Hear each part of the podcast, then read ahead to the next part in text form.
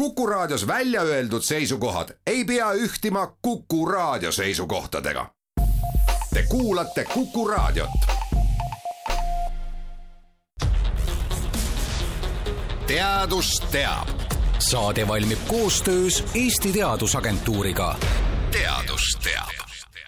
tere, head Kuku raadio kuulajad, eetris on saade Teadus teab ja sel korral räägime Ukraina sõjapõgenike uuringust, mis on tehtud Rita Covidi projekti raames ja Kuku raadio Tartu stuudios on selle projekti juht, professor Raul Eamets, tervist! tere päevast! hakatuseks sellest Rita Covidi projektist, et kuidas selle projekti raames Ukraina sõjapõgenikke uurima satuti? RITA on siis äh, akronüüm äh, sellistele rakendusuuringutele, mida Eesti Teadusagentuur rahastab. ja äh, üks nendest projektidest oligi siis suunatud Covidi majanduslikele tagajärgedele ja, ja poliitikameetmete analüüsile. ja see oli päris edukas projekt, meil olid seal partneriteks Centar ja äh, Praxis ja ülikooli poolt Rakke ja, ja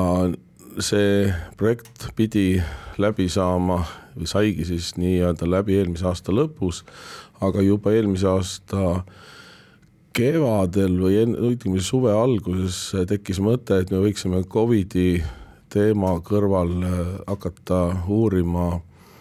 ka Ukraina põgenikke, sest Ukraina sõda oli, oli täies mahus juba, juba käis ja sealt siis kasvas ta sujuvalt üle nii-öelda Covidi äh, tule, tagajärgede analüüsilt äh, Ukraina põgenike analüüsiks ja, ja täna ongi meil siis kaks töögruppi, ühes on äh, Praxis, Kristi Annistega eesotsas juhib seda seltskonda, teiselt poolt ülikooli poolt Rakke, Kerli Espenberg Äh, kes äh, viis läbi siis äh, põgenike küsitluse, küsitlusuuringu ja teine pool on siis Janno Järve Centerist, kes tegeleb rohkem registriandmetega, nii et, et täna oligi plaanis ja mõte rääkida sellest küsitlusuuringust mõne sõnaga. saan ma aru, et Ukraina sõjapõgenike teemal sellist põhjalikumat uuringut, nagu on see, siin ei ole seni veel varem tehtud? ja ei, meie teada küll ei ole tehtud äh, äh, nii põhjalikku küsitlust, meil oli äh, circa tuhat kuussada inimest valimisküsitlus viidi läbi nii-öelda segameetodil, osad vastasid internetis, osadel, osad vastused saime ähm, äh, siis telefoniintervjuudega, meil olid intervjueerijateks Ukraina päritolu inimesed, nii et äh, viidi läbi kas vene või ukraina keeles seda küsitlust. Ja ta oli päris mahukas, kaheksakümmend viis küsimust, väga laia teemade ringiga, äh, inimeste taustainfo, laste haridus, laste terviseseisund või üldse terviseseisund, majutus, toimetulek, äh, tööturul osalemine, äh, tulevikuplaanid, nii et hästi põhjalik uuring aga kui nüüd minnagi selle uuringu tulemuste juurde, et äh, missugune see üldine seis on, et äh, kes, kes siia on äh, jõudnud, kas rohkem naised ja lapsed ja pigem noorematest vanuserühmadest? noh, ütleme siis niimoodi, et noh, me ju kõik teame, et meeste väljapääs Ukrainast on piiratud teatud vanuse, vanusegrupil ja selle tõttu on ka suhteliselt äh, loogiline eeldada, et äh, enamik, kes siia saabusid, olid äh, naised, tööealistest seitsekümmend neli protsenti, kes siia on tulnud, on, on naised ja üle poole nendest on kaheksateist, kolmekümne üheksa aastased, ehk siis äh, suhteliselt noored äh,. Nad on äh, üldjuhul või väga paljud nendest on kõrgharidusega, üle viiekümne protsendi on kõrgharidusega. see on tulenenud ka sellest, et nii nagu ka Eestis on Ukrainas äh, naised rohkem kõrgharitud kui, kui mehed. Äh, ja nendega olid kaasas ka siis alalised lapsed, kes siis äh, moodustasid Eestisse saabunud sõjapõgenikest veidi üle ühe kolmandiku, kolmkümmend seitse protsenti. nii et naised ja lapsed, väga paljud või kõige suurem see laine tulijaid oli juba märtsis ehk siis vahetult pärast sõja algust nelikümmend protsenti circa nendest inimestest, kes Eestisse on jõudnud, tulid, tulid märtsis. me küsisime ka seda, et, et miks nad Eestisse tulid ja, ja noh, võis ka arvata, et, et sellised põhjused võisid olla, et äh, neil olid siin ees juba sõbrad ja tuttavad äh,. siin saab vene keelega või vene keele baasil hakkama ja ukrainlaste silmis on Eesti sõbralik riik, kuhu äh, tasub tulla. ja võib-olla üks äh, aspekt veel, viiskümmend neli protsenti tuli suurematest linnadest, suuremateks linnadeks loeme siis sada tuhat ja pluss, nii et noh, siit võib teha ka kohe äh, sellise etteruttava järelduse, et ega nad ilmselt väga maale elama jääda ei taha, kui nad on harjunud linnas elama, ehk siis tõmme nii-öelda suurtesse keskustesse tagasi liikuda mingi aja jooksul on väga suur ja, ja noh, tänagi võib äh, öelda, et pooled nendest põgenikest juba praktiliselt elavad äh, Tallinnas ja Harjumaal, Harjumaa juurde panna siis viiskümmend kaheksa protsenti on äh, sinna, sinna koondunud. võib-olla üks moment veel, mis seda tulijat iseloomustab, et nad ei ole kõik nüüd tulnud otseselt rinde alla või sõja alla jäänud piirkondadest. Me jagasime need piirkonnad kolmeks. vahetult siis sõjategevusega kokku puutuvad piirkonnad, mida me nimetasime siis väga ohtlikeks, noh, needsamad Luganski äh, oblast ja, ja, ja, ja kõik see Herson, kus, kus nii-öelda otsene sõjategevus või mis siis nii-öelda ka sõja käigus siin vahepeal juba Vene vägede poolt okupeeritud, üks kolmandik lisaks siis tuli nii-öelda nendest sõjaga piirde, piirnevatest piirkondadest ehk siis nii-öelda ohtlikest, aga mitte otseselt sõjakolletest. ja üks kolmandik siis äh, mujalt ehk äh, natukene rindest äh, kaugemal olevatest piirkondadest, nii et äh, kolmandik, kolmandik, kolmandik oli see, oli see jaotus umbes kuidas on aga Ukraina sõjapõgenikel äh, seis töö ja haridusega, et kas on äh, lapsed saanud ikkagi leidnud äh, selles mõttes, äh, noh, on neil koolikoht olemas, meil on ju ka siin Ukraina kool alates selle õppeaasta algusest tegutseb ja mismoodi siis tööga seis on? noh, enamik Ukraina põgenikest, kaheksakümmend üks protsenti on oma lapsed Eesti kooli pannud ja, ja noh, samamoodi on suhteliselt kõrged protsendid laste, lasteaeda panekul lasteaeda on võib-olla suhteliselt vähem pandud, äh, lapsi on pandud siis kuuskümmend protsenti põgenikest äh, lasteaedadesse, võib-olla siin on põhjus ka see, et osadel on kindlasti kaasas ka vanavanemad või või siin on ees juba abikaasa, kes siin ennem töötas ja, ja siis on jäädud lihtsalt koju äh, äh, lapsi äh, või last hoidma või, või antud nad vanavanemate hoida. nii et noh, seda ei ei kurdetud, et nüüd ei ole nagu lapsi kuskile panna, noh, me peame muidugi arvestama ka seda, et, et mingi osa ikkagi lastest õpib äh, Ukraina koolis äh, distantsõppes. Ja see on veel omaette teema, mida peaks äh, uurima, et kardan, et osadel on selline topeltkoormus, et päeval käivad, käivad siin Eesti koolis ja, või siis Eesti-Ukraina koolis ja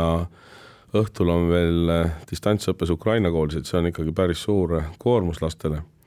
aga selle kohta meil nii-öelda väga detailset infot täna ei ole. kui me vaatame nüüd nende toimetulekut tööturul, siis peab ütlema, et, et ukrainlased on väga hästi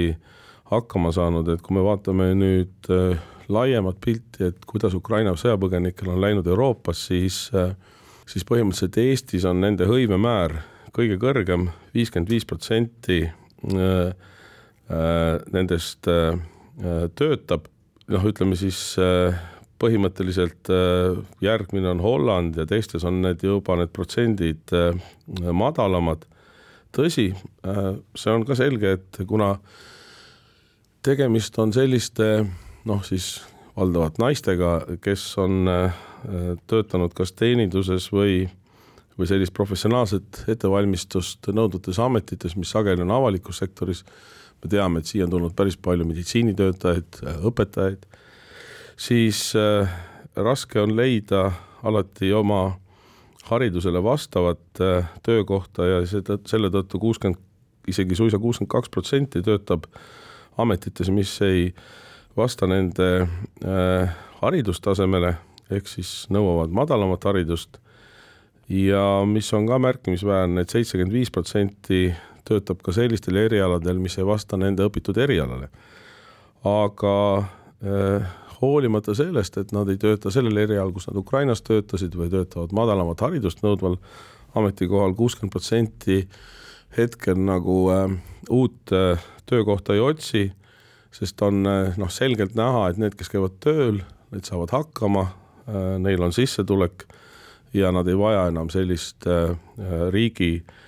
riigi, abi ja noh, mis on ka iseloomulik ukrainlastele, et, et suurem osa sellest tööst on leitud äh, läbi võrgustike ja sidemete, ehk siis see ukrainlaste võrgustik Eestis on suhteliselt laia äh,, ulatuslik ja, ja on aidanud siis nii-öelda tööturul äh, toime tulla äh,. see on üks huvitav fakt, et äh, hästi paljud on neist töötus, Töötukassas arvel, aga kui me küsisime, et kuidas te töö leidsite, siis ikkagi leiti läbi sugulaste, tuttavate. töötukassas ollakse arvel äh, kindlasti ka sellepärast, et äh, Äh, kui tuldi, siis anti need kontaktid ja, ja noh, see oli ka üks võimalus sotsiaalsete toetuste saamiseks. ja noh, mida on ukrainlased ise rõhutanud, võib-olla, mis on veel olulisem, et Töötukassa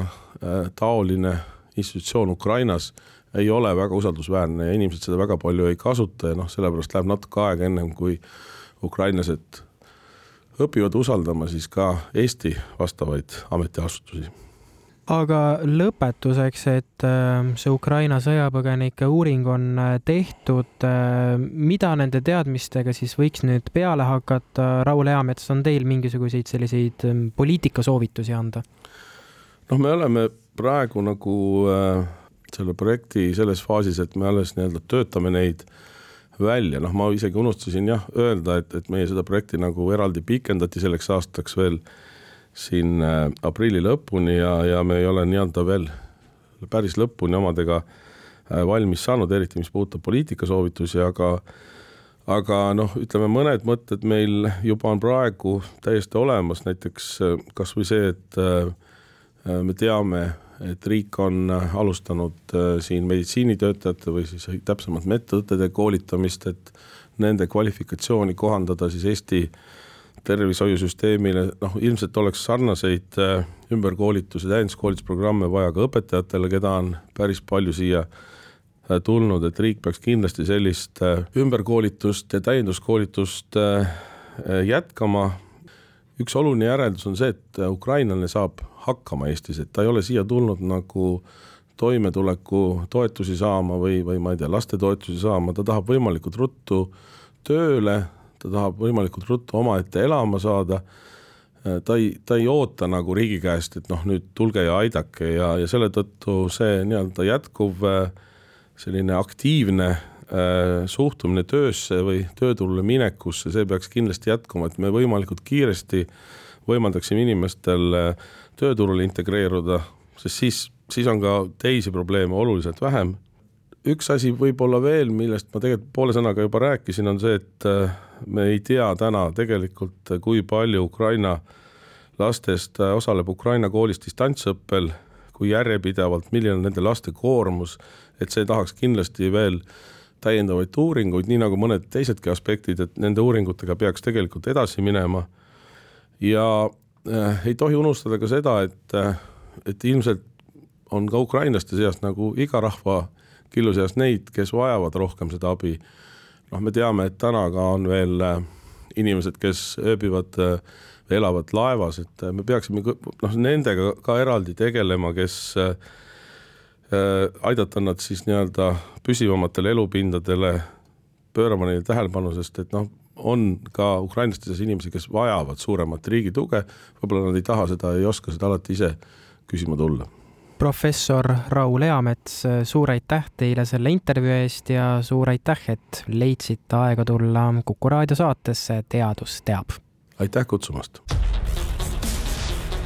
teadus teab. saade valmib koostöös Eesti Teadusagentuuriga. teadus teab